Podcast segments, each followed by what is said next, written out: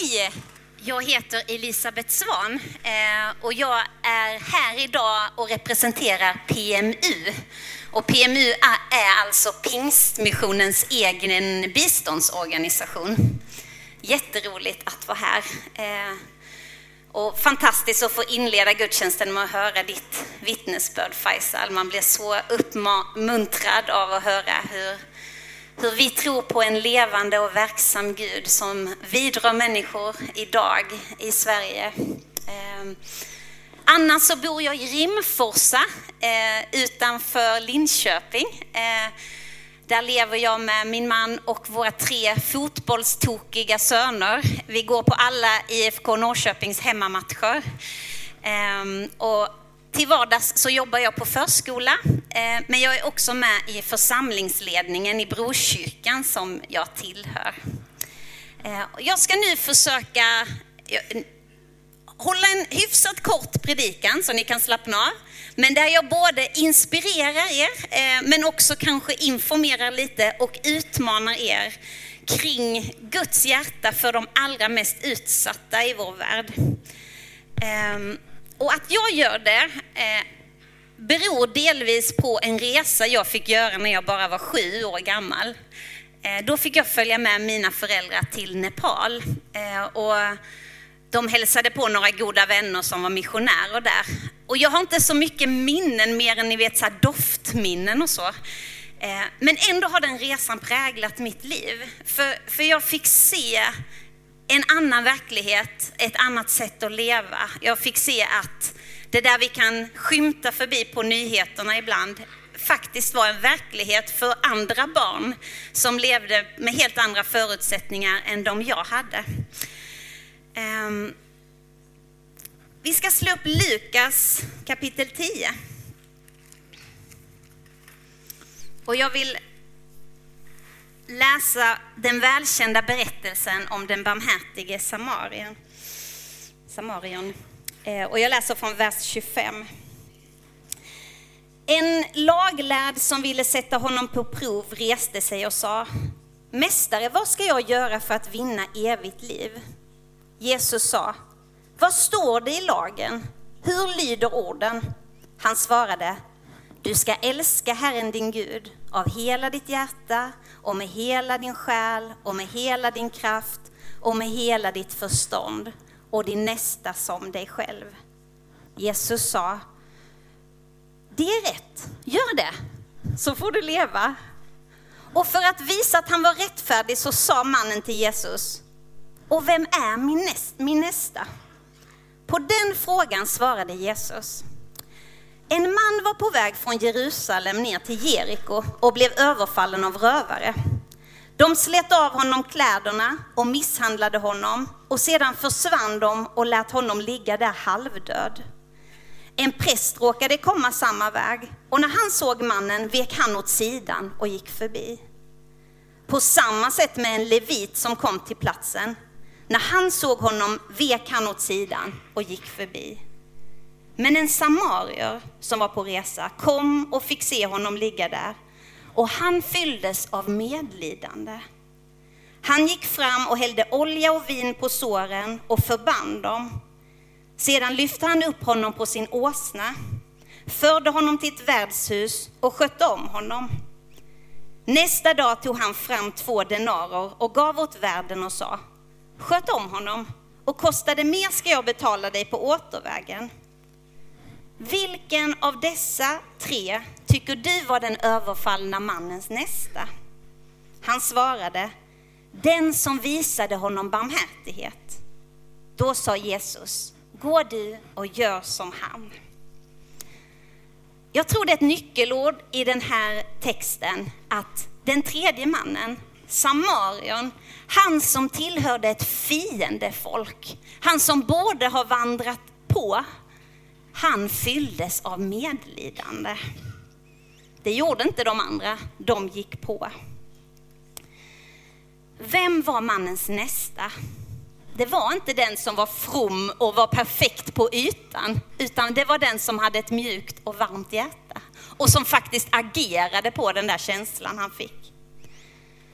Vem är min nästa? vem utmanar Gud mig att visa barmhärtighet mot? Har jag ett mjukt hjärta som fylls av medlidande när jag ser och hör om utsatthet? Ibland kan jag tänka att det var lättare för 150 år sedan i Sverige. Eh, där fattigdomen på ett annat sätt var synligt i samhället med typ man hade så här fattighus där alla samlade. Dit kunde man gå och ge det man hade om man ville visa dem barmhärtighet. Vi ser fattigdom i vårt land också. Det finns absolut. Jag gissar att ni försam som församling gör insatser där. Men ibland tror jag vi lever längre ifrån varandra. Vi kan hålla det på avstånd. Och också det, den fattigdom som är långt borta. Trots att vi har allt väldigt nära i våra telefoner så har vi liksom en filterbubbla där, där det som är jobbigt, det kommer inte nära oss. Men vi lever i en global värld och jag tänkte göra något lite konstigt nu. Jag ska ta mig min yttersta tröja, ni behöver inte vara nervösa. Ehm. För när jag förberedde det här så satt jag och tänkte på min tröja som det står Made in Bangladesh i. Och så tänkte jag, det här jag har på mig, det har någon, någon liten tjej suttit och sytt i Bangladesh. Och det är så otroligt nära mig, jag har det på kroppen. Men, men tänker jag på henne? Är hon min nästa?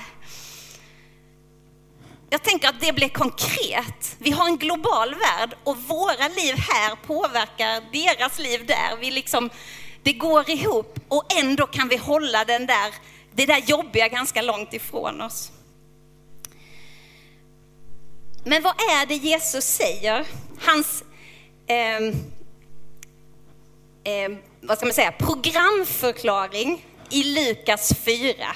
Där står det så här. Herrens ande är över mig, för han har smort mig till att förkunna glädjens budskap för de fattiga. Han har sänt mig att utropa frihet för de fångna och syn för de blinda och ge de förtryckta frihet och förkunna ett nådens år från Herren. Jag har med mig den här lite speciella bibeln. Ehm, den heter The Poverty and Justice Bible. Alltså fattigdom eh, och rättvisebibel. Och det som är speciellt med den, det är en helt vanlig bibel egentligen.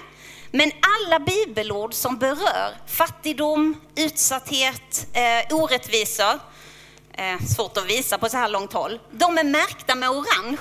Ni får gärna bläddra i den sen.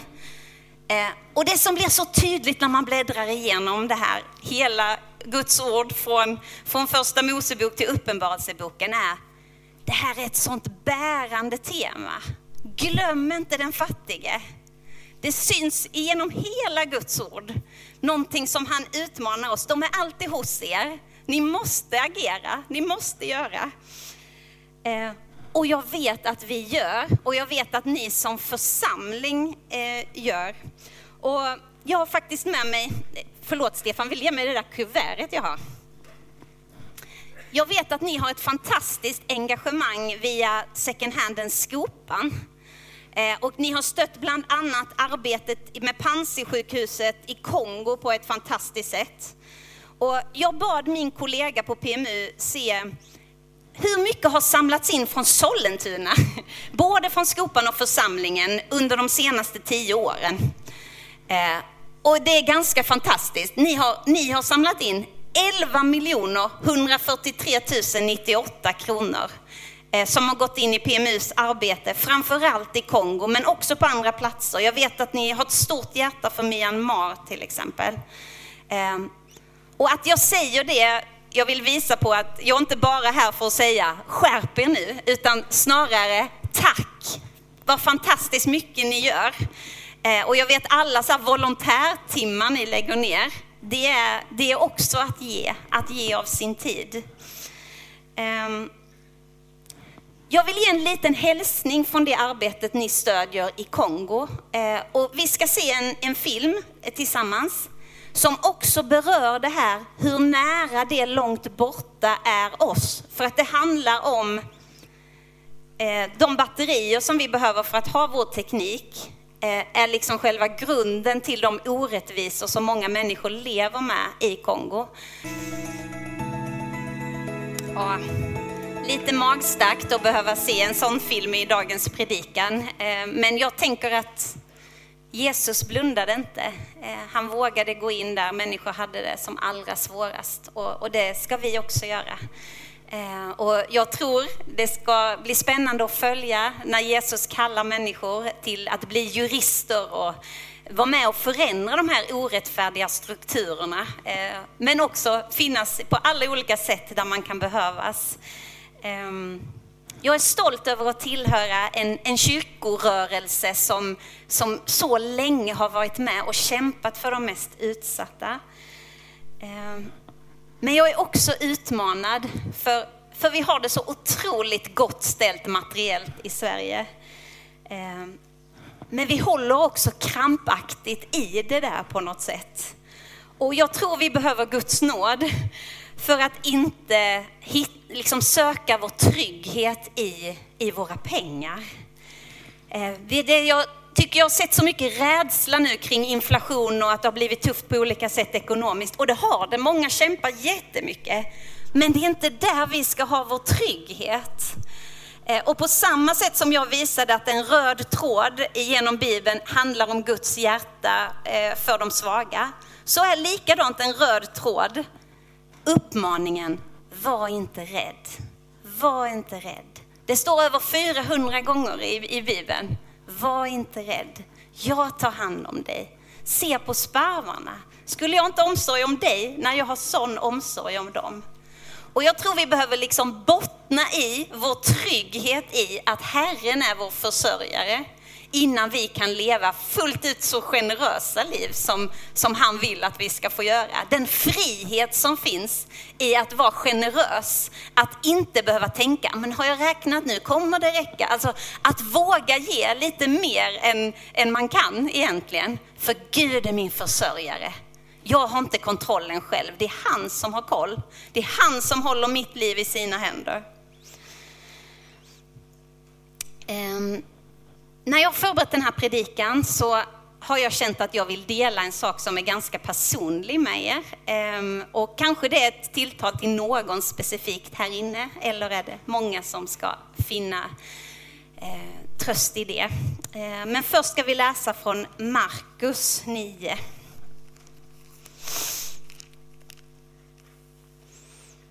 Markus 9 och 33. De kom till Kafarnaum och när han var hemma igen frågade han dem, vad var det ni talade om på vägen? De teg, för på vägen hade de tvistat om vem av dem som var den största. Han satte sig ner, kallade på de tolv och sa, om någon vill vara den främste måste han bli den ringaste av alla och allas tjänare. Så tog han ett barn och ställde det framför dem, la armen om det och sa, den som tar emot ett sådant barn i mitt namn, han tar emot mig. Och den som tar emot mig, eh, han tar inte emot mig utan den som har sänt mig. Yes. Jag vet inte hur mycket ni hänger med i vad tidningen Dagen skriver om. Ehm, men senaste tiden så har det varit en, ett samtal där om den profetiska gåvan. Alltså gåvan att lyssna in Guds röst och dela tröst och uppmuntran med varandra i församlingen. En gåva som det är jätteviktigt att vi har i funktion. Eh, och samtalet i tidningen har delvis också handlat om att det där kan missbrukas. Skulle man säga något och egentligen säga det med sin egen röst så kan man låsa fast människor. Du ska gifta dig med den. Och så blir det som någonting som istället blir ett fängelse än någonting som är till uppmuntran och tröst. Ehm, och jag hade ett starkt möte med Gud när jag var 19. Ehm, jag gick framför förbön och det var en kvinna som talade ut ord över mitt liv. Och och mycket av det hon sa har varit sån tröst för mig under livet, där jag har kunnat återvända till. Men det var en mening som liksom fastnade, som har gnagt och som jag ibland nog har låtit styras av för mycket. Hon sa så här, Gud ska leda dig in i maktens korridorer. Eh, maktens korridorer. Så minns vi det som eh, jag precis läste, lärjungarna frågar, vem är störst? Och ibland, eh, på grund av det där ordet, så har jag ibland sökt mig till maktens korridorer. Ni vet, man kan ta fram armbågarna lite, man vill sitta vid ett visst samtal för att vara med i det. Ehm, och, och det jag vill dela med er handlar om eh, att jag nu arbetar på förskola. och jag trivs jättebra, men ibland känt så här, jag är ju så långt ifrån de där maktens korridorerna man kan komma. Är jag på helt fel väg? Ehm, och så kom den helige Ande för några veckor sedan och viskade till mig. Elisabet, ser du att du är där nu? Jag har lett dig till maktens korridorer. Ehm, förstår ni vad jag är ute efter? Där bland barnen. För Guds rike är inte av denna världen. Det är ett upp och nervänt rike. När han skulle födas in som den kung han är, så föddes han inte i ett pampigt palats, han föddes i ett stall. Och han red inte in med, med makt och ära och fanfarer, han red in på en åsna. Och när han krönte så var det inte med, med guld utan med en törnekrona samtidigt som han blev misshandlad. Vi tillhör ett rike där allting är upp och ner. Den som vill vara störst, den måste bli de andras tjänare. Och det är ord som jag ibland har tänkt så här, ah, nu, Gud ska öppna häftiga dörrar för mig. Och förstå mig rätt, det kanske kommer de dörrarna på en annan tillfälle. Men han har visat mig, det var inte det där jag menar. Det är när du går ner, när du är bland barnen, när du är bland de som har stora behov. Det är då du är där du ska vara, Elisabet. Ja, jag ville skicka med det, som ni förstår det är ganska personligt att dela, men jag tror det kan vara en nyckel till någon av er. Så här. Ni kanske har tänkt, ibland kan vi låsa oss fast i den här världens perspektiv, men vi tillhör ett annat rike. Jag ska gå ner för landning. Jag ville dela med mig idag av Guds hjärta för de allra mest utsatta. De finns alldeles nära, men de finns också långt borta. Och jag tror alla vi ska vara en del. Vi ska vara någon annans bönesvar. Och för någon handlar det om att öppna plånboken generöst. Men för någon annan kan det handla om ett yrkesval eller att ha plats vid sin soffa och bjuda hem någon på kaffe regelbundet. Det kan se så olika ut. Men det vi kan fråga oss är, är mitt hjärta mjukt skulle det vara fyllt av medlidande så att jag inte bara vandrar förbi när jag ser det där stora behovet, utan jag stannar. Jag visar barmhärtighet mot min nästa, så som Jesus uppmanar mig att göra. Låt oss be tillsammans. Ja, tack Herre för ditt hjärta för den här världen. Tack för att varje människa är skapad utav dig. Älskad och dyrbar och med ett med ett värde som inte kan bli mindre vad som än vi är med om i livet. Och Herre, jag ber att du ska drabba våra hjärtan med medlidande för de behov som ditt hjärta är drabbade av. Herre, vi vill inte ha hårda hjärtan som rusar förbi, utan vi vill ha mjuka hjärtan som stannar, som har tid att se, som har tid att möta de behov som finns runt omkring oss. Och jag ber att du ska möta oss när vi firar nattvard här, att du ska tala till oss var och en om hur, om hur du vill använda oss, hur du vill liksom vidga vår, vårt hjärta så att det, det ryms fler och det ryms större behov. Och tack för att vi inte behöver ta vårt eget, utan du är den som ger oss. Du ger kärlek, du ger barmhärtighet och du ger ekonomiska resurser, Herre. Jag ber för den som verkligen brottas med oro kring sin ekonomi. Jag ber om en ny tillförsikt om att det är du som är vår försörjare. Det är dig vi får vila hos. Mm. Dra oss nära dig. I Jesu namn. Amen.